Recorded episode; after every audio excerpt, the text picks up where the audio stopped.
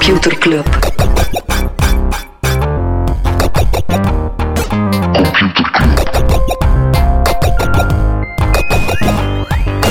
Computer Club. Hey Smolly, Hey Freddy, welkom, welkom terug. welkom. Welkom bij Computer Club, een wekelijkse podcast over technologie. Iedere aflevering selecteren Freddy en ik een interessant artikel en presenteren een feitje. Waarom zijn wij een club, Smolly? Waarom zijn we een club? Omdat we vrienden hebben? Waarom, en, en hoe, hoe ver gaan wij voor onze vrienden? Echt door het vuur. Waarom? Plak er een keer een cijfer op. Ik kan er een cijfer op plakken, ver dat wij voor vrienden gaan. Van hier tot aan de maan en terug. Ik zou zeggen 50%. Aha, nu snap ik hem. Oké, ja, we geven inderdaad 50% korting op... We gaven 50% We kopen. gaan 50% Vorige week korting. hebben onze vrienden voor de helft van de prijs een muts kunnen kopen. Ze zijn bijna allemaal de deur uit. We hebben er nieuwe besteld. Ja, dus bestellingen kunnen, kunnen nog altijd. Het zijn hele coole muts met daarop Computer Club in verschillende varianten. En die kan je bestellen via... Computerclub.shop. Voilà. Ja, en je kan vriend worden via vrienden.computerclub.online. Want stel dat je ooit een muts koopt, dan word je ook automatisch onze vriend van de show en krijg je al dat soort vriendendiensten En dan mag je ook terug, in onze zoals Slack kortingen in ons clubhuis. Je krijgt stickers. Dus wij kunnen ook alles, je oren verwarmen als we niet aan het babbelen zijn. Ja, waarover gaan we vooral niet babbelen dan? We gaan het niet hebben over sociale media. Die blijven een beetje op zoek naar een businessmodel. Eerst was er X die zegt we gaan met de hogere abonnementsformules komen, waarmee je dan geen advertenties te zien krijgt. Nu zegt Ga je, Meta, ze, ga je ze ook overlopen bij, bij Nee. Twitter? ik weet het zelf al niet meer. Het is, het is extreem een verwarrend. goedkoop- de basic, een dat is dan goedkoop 3 dollar. En dat is met ads. Met een kleine boost, dan heb je de niet premium. verified. Ah, eh, voilà. Dan heb je de premium dat verified is.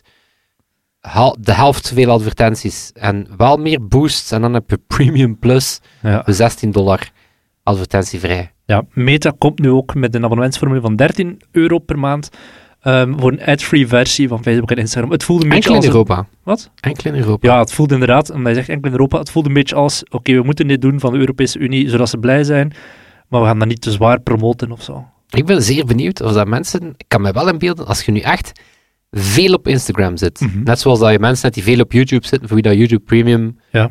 heel nice is. Zouden er echt zo mensen zijn die dan zeggen van, ja, weet je, 13, het, is ook, het kan ook aan 10 euro. Als je het een beetje hun, ervan af wat je website allemaal koopt. krijgt. Als het gewoon puur is een ad-free versie, hm, als ze dan zeggen, zo, een van zoals een professionele toolkit met langere video's of wat dan ook, eh, prior- priori- priority access als je account eh, weg is, ja, ik denk dat dat zeker voor veel mensen die er effectief een beroep van maken, als ze Ja, maar dat bestaat ook, hè, dat bestaat, hè.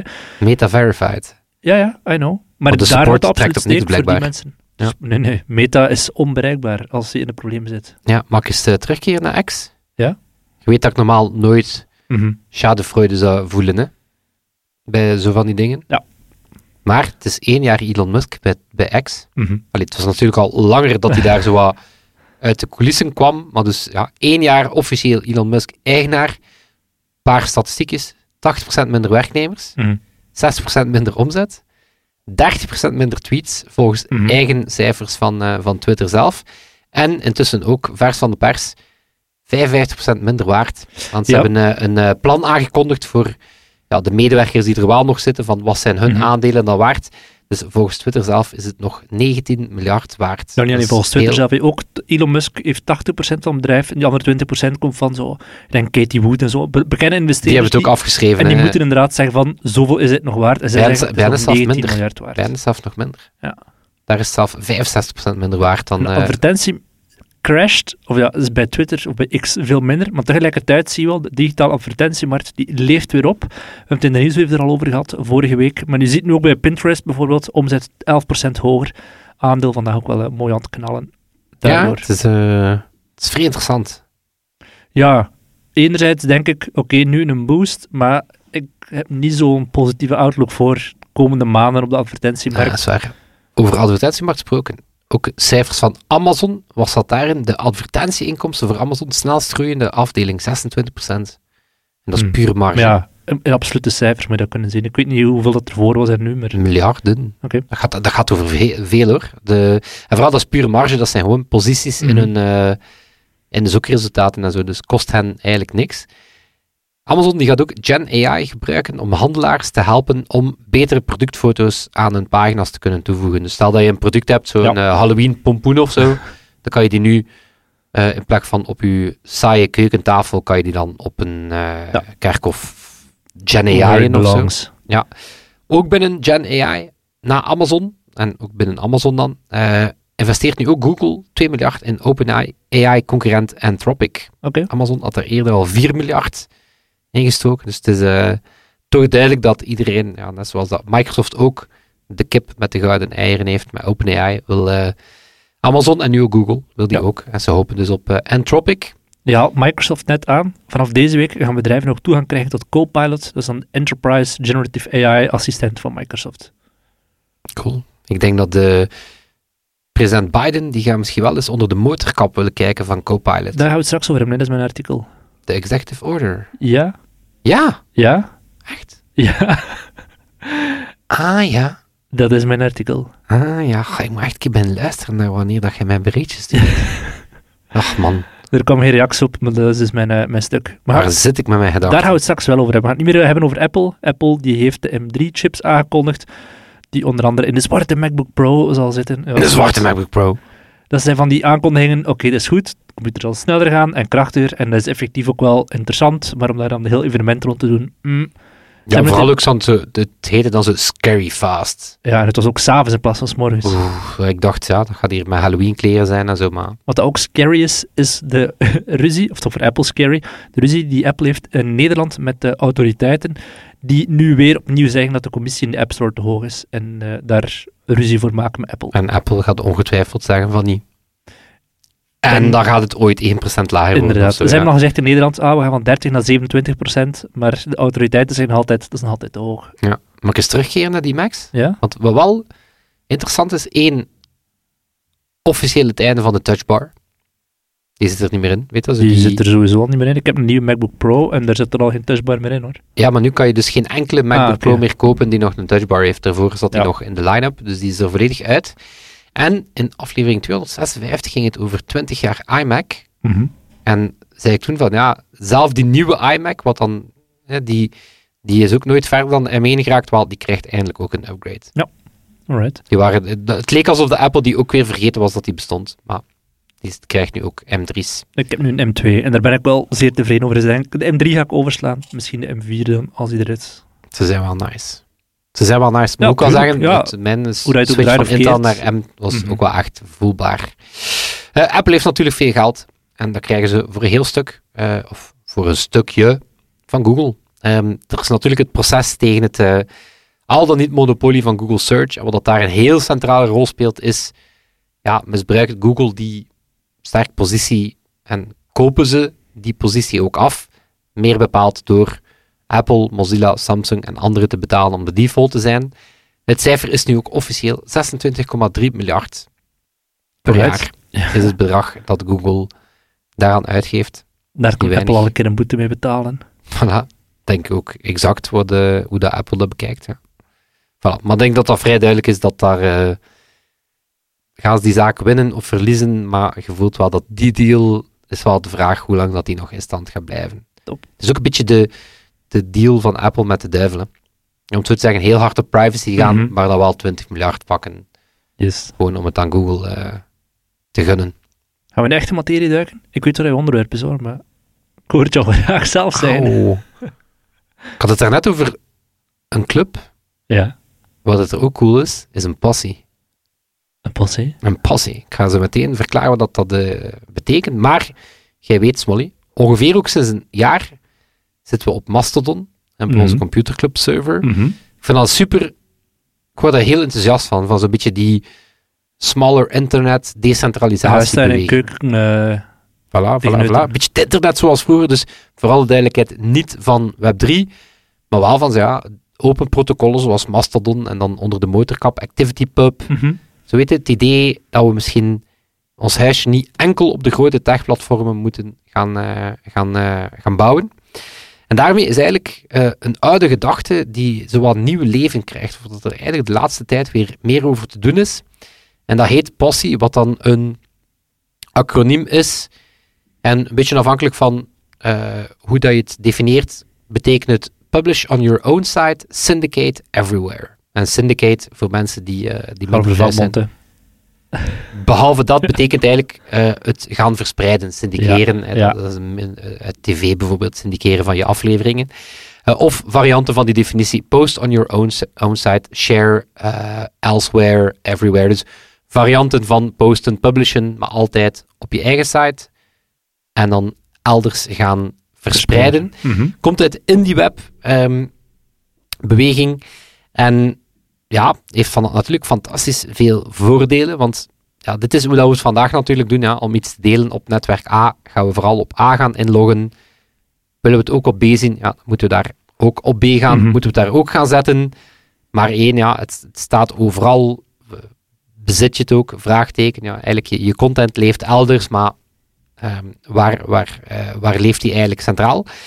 Behalve niet zo handig, ehm, ja, is inderdaad ook dat stuk van, ja, wat, wat is dan de echte thuis nog van je, van je content? En content zien we hier heel breed. Dat kan geschreven zijn, dat kunnen foto's zijn, dat Mhm. kunnen, eh, kunnen video's zijn.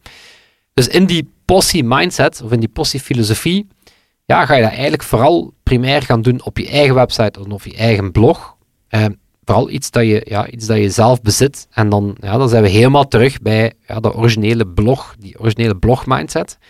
Maar was natuurlijk daar het, eh, het nadeel aan, of waarom zijn we met z'n allen dan ook wel heel hard in feeds beginnen denken, ja, dan moet je natuurlijk zelf naar al die blogs gaan beginnen gaan. En Mhm. vandaar dan het tweede stukje van de definitie, het gaan verspreiden op, eh, of gaan syndiceren op ehm, andere platformen. Hè, dan ga je, Maar wat is dan het verschil met ik die al 15 jaar blog en dan over die blog tweet als ik een blogpost heb? dus eigenlijk die mindset, maar natuurlijk, de hoop is dat we het bijvoorbeeld via iets als ActivityPub Mhm. eh, ook meer en meer kunnen gaan automatiseren.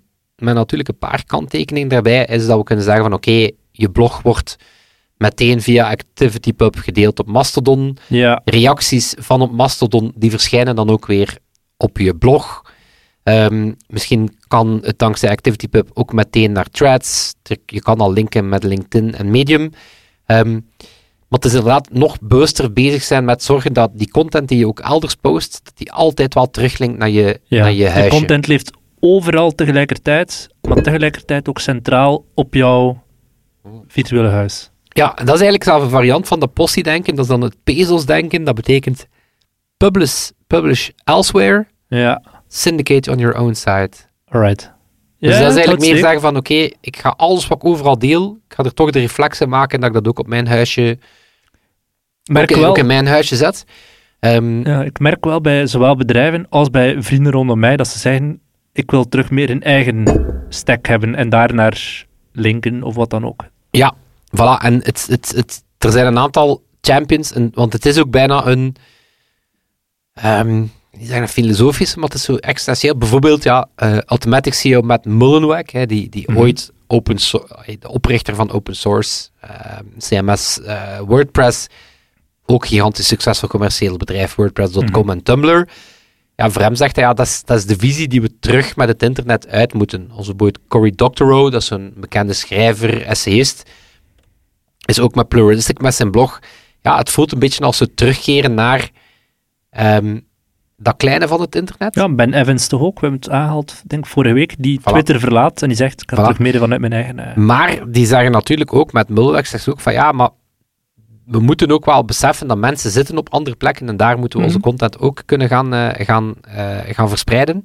Ehm, er zijn wel wat uitdagingen aan dat model. Ja, niet in het minst, ja, je moet dan zelf een domein of een website beginnen. Ja, voor veel mensen is dat wel een drempel Mhm. of zelf een kost. ja, zeker. Ja, het, die automatisatie zit nog niet helemaal goed. Nu, er komen wel tools zoals micro.blog die dan helpen met linken tussen al die systemen. Of eh, WordPress, die hebben zo'n grote ActivityPub plugin overgekocht. Maar, en dat is ook wel een beetje kritiek op het model, ja, je moet ook wel snappen dat de formats op die verschillende sociale media zijn ook wel bewust vaak een beetje anders. Medium is een ander medium dan LinkedIn, is een ander medium dan Tumblr. Of, Tumblr of Ja. Threads. Dus met Mulwex, die zegt bijvoorbeeld, ja, we moeten ook niet denken dat het 100% geautomatiseerd moet. Mhm. Maar die zegt, weet je, stik daar, maak daar in plek van 12 verschillende stappen, drie van, maar laat mij vooral nog inderdaad kiezen van, hoe ga ik deze blogpost, hoe zou ik die delen op Ja. Mastodon? Mhm. Hoe zou ik die delen op TikTok? LinkedIn. Ja. ehm, En dan, ja, natuurlijk ook iets moeilijk is, als die posts ook op andere media gaan leven, ja, wat met engagement daar, likes, reacties, ja, die blijven natuurlijk een beetje versnipperd zitten.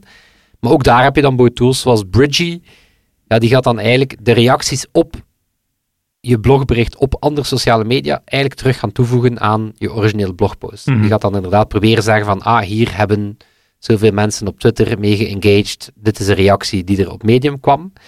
Ehm, maar ik vind het super cool en daarom dat ik het ook. ehm, ja, ik was echt. eh, ik was al lang aan het denken of. eh, ik heb nu zo'n placeholder visitekaart website. Weet je, gewoon zo. Frederik DB.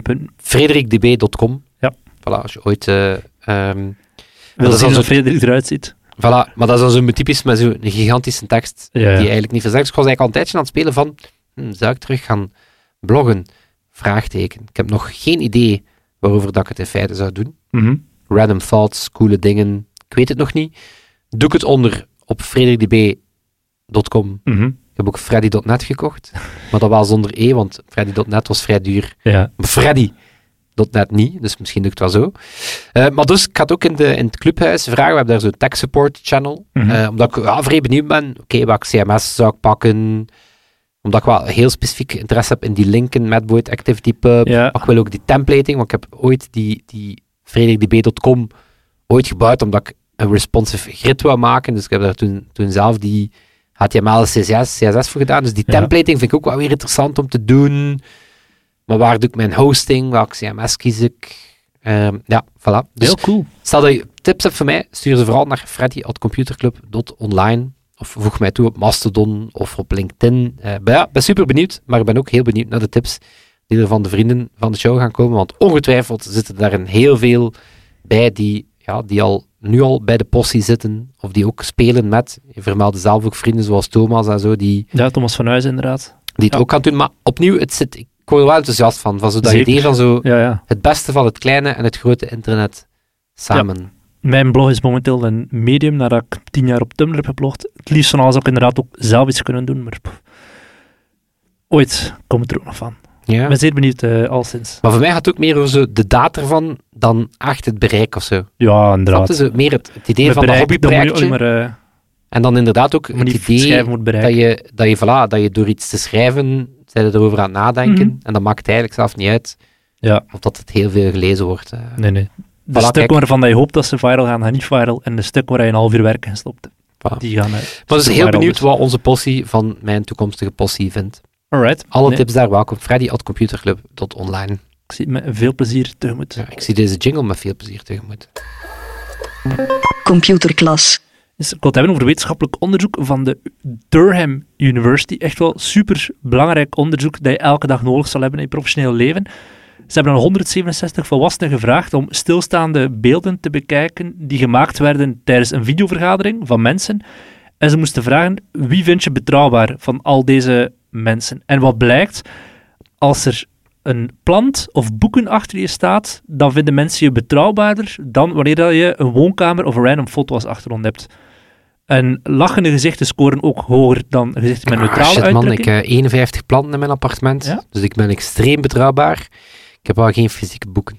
Dat ik al eh maar je ziet ook meteen op- heel de woonkamer. Dat is ook al een rookie mistake. Je moet echt een neutrale grond met dan zo... Een neutrale achtergrond met bijvoorbeeld een, een plankje met wat bloemen op of planten.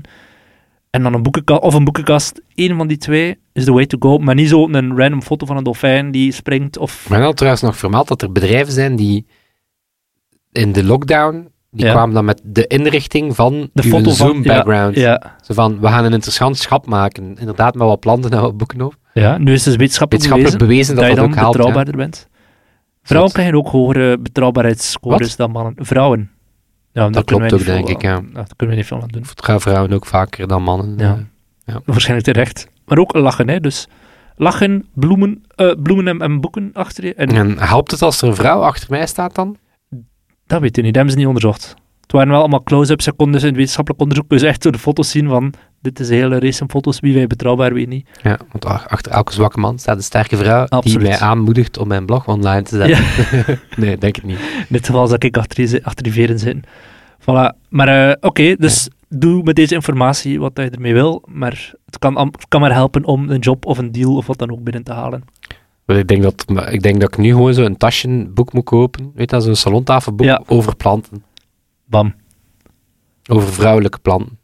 Ja, bij mij, als ik, als ik voor mijn boekenkast zit thuis, zie je vooral heel veel stripverhalen. Dus ik weet niet in welke mate dat Suske Wiske je moet bijhelpen aan mijn vertrouwbaarheid, maar Het hangt vanaf bij welk publiek dat Dus, je... uh, ik in mijn doelpubliek 100%. Uh. Yes. Wie dat er ook uh, wat betrouwbaarheid hoopt te winnen, is Joe Biden. We hebben het net al aangehaald in de, de zaak waar we het niet over gaan hebben. Surprise, we gaan het er wel over hebben. Meestal punch. moet Europa achter, uh, achter Amerika hinken als het op techvlak gaat. Nu is het voor één keer andersom. Joe Biden heeft aan zijn overheidsagentschappen gevraagd om regels uit te werken voor de veiligheid van AI-modellen te garanderen. Een executive order. In Europa hebben we die, die fase eigenlijk al gehad. We hebben er, ja, even ter herinnering.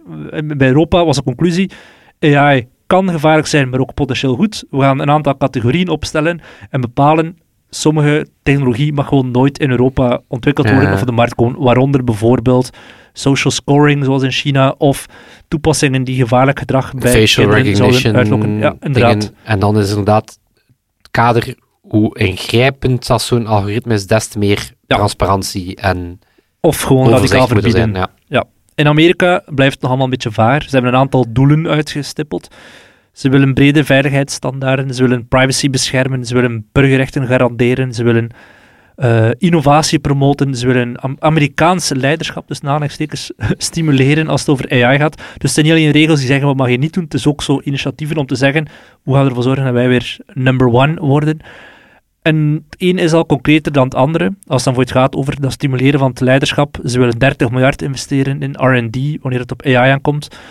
Ze willen eh, richtlijnen uitwerken om racial bias tegen te gaan. Als het gaat over juridische beslissingen, ehm, subsidies die worden toegekend, de huurmarkt. Daar willen ze dus een soort richtlijnen van dat mag wel, dat mag niet. Misschien het meest concrete al van alles is dat ze zeggen van ja, je mag AI niet gebruiken voor biologische of nucleaire wapens te ontwikkelen. En als het een zeer geavanceerd model is, moet het aan een test onderworpen worden door het ik moet even bij halen, National Institute of Standards and Safety. Dus een soort veiligheidstest, zoals je een auto een crashtest laat doen, moeten developers, als ze zeggen het is een zeer geavanceerd model, dat voorleggen aan de overheid of een onafhankelijk instituut, die dan zou moeten kijken van, klopt dit wel of niet, of wat zijn de Ja, ik dacht mogelijke dat het ermee. dat instituut was dat ik vermeld had in de aflevering over cryptografie vorige week. NIST. Ja. Is dat dat? Ja. Standards and Technology, ja. Ja, dus zij Standards gaan Technology, ja. die procedure nog moeten uitdenken van hoe moet het dan concreet verlopen. Oké, maar die snappen er wel iets van. Ja, Leid ik hopen. Toen af uit hun werk op cryptografie en zo. Ik Ja, dacht even zo van, ik zag ook dat er een commerce department of zo, zij moeten komen met eh, watermarking van. AI-beeld. Maar dan denk ik zo, ja, Good luck with that. ja, Hoe ver ga je Kamer er van mee? Koophandel gaat dat, gaat dat vinden. En zo, Ja, want er is ook, je dat was echt verschil wishful tussen, thinking, zo van, ja, die gaan dat dan vinden. Eh, Oké. je hebt het verschil tussen een deepfake en wat wij dan voor het vaak doen bij ons, bij ons werk voor Harstek, is gewoon een beeld van Midjourney als basis gebruiken en dan, er zelf nog dingen op gaan photoshoppen of toevoegen of wat dan ook. Zou dan op zo'n beeld ook nog een waterwerk moeten komen van dit beeld is niet 100% echt. Dat is zoiets wat dat zeer tof klinkt en aan de pers makkelijk verkoopt van een watermerk op deepfakes of op AI-genereerde beelden. Maar waar stopt het en waar begint het? Dus wat, dat is al zeer vaag als het gaat over je moet een complex algoritme voorleggen aan een soort commissie. Ja, maar dat, Dat vond ik ook een, concreter. een super vage, allee, een, een vreemde richtlijn. Het gaat over het aantal flops aan berekeningen dat zo'n model doet. Dus het is letterlijk kwantitatief uitgedrukt van hoeveel is complex, miljoenen tot, dit tot, is- welke, ja. tot welke graad aan be- berekening moet doen. Wat dan neerkomt op, het zijn grote taalmodellen die een aantal tientallen miljoenen dollar kost. Hmm. Het is een kwestie van inderdaad hele kleine bedrijven of researchers niet te kloten, maar zo ook een vreemde, een vreemde definitie zo. Niet van, Ja, en is moeite kwantitatief maken, hè? want wat is complex anders? ja, maar daarmee dat ik de, de Europese insteek beter kan snappen. Die kijkt niet per se naar, want Amerika probeert nu zo de motor of zo te reguleren, Mhm. van, van hoe groot mag die zijn, en, en dat gaan we hem heel sterk controleren. Terwijl Europa kijkt niet per se naar de onderliggende technologie, die kijken vooral naar hoe dat die ingezet wordt. Die gaan Ja. inderdaad de implementatoren aan de tand voelen en zeggen van oké, maar als jij dit wil gebruiken voor een veiligheidstoepassing, Mhm. dan gaan we daar veiligheidsnormen op toepassen. Of als je dit wil gebruiken voor gezondheidstoepassing, dan gaan we daar gezondheidswetten op toepassen. Hier vind ik het zo... Wat gaat, de, wat gaat de overheid mee in de keuken bij OpenAI gaan kijken en daar dan betekenisvolle... En dat weten bedrijven ook, doen. want je voelt wel, de grote bedrijven waren allemaal van de partij toen Biden zijn plannen aankondigde, dat allemaal zo vrijblijvend blijft. Hè. Amazon en Co. die zeggen, oké, het is goed, we gaan ons best doen. Er staan voorlopig geen concrete boetes of wat dan ook op.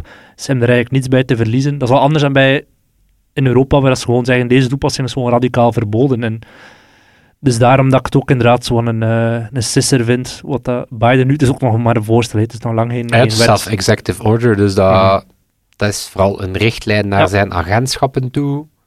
Kan, wanneer dat Biden verdwijnt, even snel ook weer verdwijnen. Ja, En dan aan het tempo dat ze in Amerika wetten maken, nooit. nee, inderdaad. Maar hij moest wel iets doen, omdat hij een beetje voelde van, ah, in Europa zijn ze er wel voortouw aan het nemen. Ja, ja, ja. De Fediverse of de Freddy.net zal nog lang niet gereguleerd worden. Was trouwens, way back was mijn eerste domeinnaam als kind, fred.net. Fred.net. En dan ook met een, met een drietje in plek van een e. Wauw, Was wel lied, zo'n 90s. En wat deed je dan op die website? Ehm, heel veel mijn website redesignen. Oké, Dat was de tijd dat ik, dat ik ze zelf vrij veel zat te klooien in HTML, CSS en Photoshop enzovoort. Dus heel de tijd excuses zoeken om een redesign van je website te kunnen doen, maar veel content heeft er nooit op gestaan. wel benieuwd echt naar de content die op je blog gaat, eh, of als ik het al een blog mag doen, op je website gaat posten. Ik denk dat mijn eerste ding gaat zijn onder welke naam, onder in welke taal en eh, met welke Hmm. insteek. Zou je het echt Engels doen? eh? Ja, ik weet niet hoe. Als ik ooit de tijd heb, dan maak ik een Vlaamse versie van Freunde van Freunde. Dat zo'n Duitse blog was met zo'n heel, zeer, zeer lange long-read interviews met mensen. Maar, Maar hij toch, en dat deed hij toch vroeger ja, ja, met dat die deed ik vroeger, ik weet het. I know. Ja. En daarvoor op mijn blog en Ja, one day. one day. Maar nee, het is, het is- ik ben zo vrij benieuwd, dat bestaat er nog zo een versie van mij naast mijn werk, naast computer. Je bent, nee, dat zijn de twee Freddy's die er bestaan. En wel, ben ik dan een van die twee, of is er nog een, is er een Venn-diagram tussen die Freddy's en... Ik ga erover schrijven. En dat gaat dan gelezen worden Dat door drie mensen. worden naar de derde en, Freddy. en één van die drie gaat daarop antwoorden en dat gaat een prachtige interactie zijn. eh. Top. Nee, maar ik word er wel weer vrij enthousiast van. Ja, maar op terecht. Absoluut. Passie. Freddy.net. Freddy. Freddy zonder e.net. Voorlopig, Net. dus als je naar surft, gaat nog niets te vinden zijn. Maar wie weet ooit wel. Ja, Dat is de bedoeling. En alle tips zijn super welkom in het clubhuis of eh, via freddy.computerclub.online. yes. Alright. En dat zal het zijn. Oh, oh, oh, we, moeten onze, oh. we moeten onze postie nog bedanken. Onze, onze, ja, onze, onze, onze OG-passie. Toon passie. Sebastian. Misschien verdwijnt deze trend. Hopelijk verdwijnen deze amigos nooit. Toon en Sebastiaan. Sebastiaan, die ons deze week helpt met de mix. Daar zijn we super dankbaar voor. En alle vrienden die vriend van de show zijn of die gewoon merch gekocht hebben, zoals de warme mutsen die je kan kopen op computerclub.shop. En dat zal het zijn. Tot, Tot volgende week. Yo. Yo. Computer Club.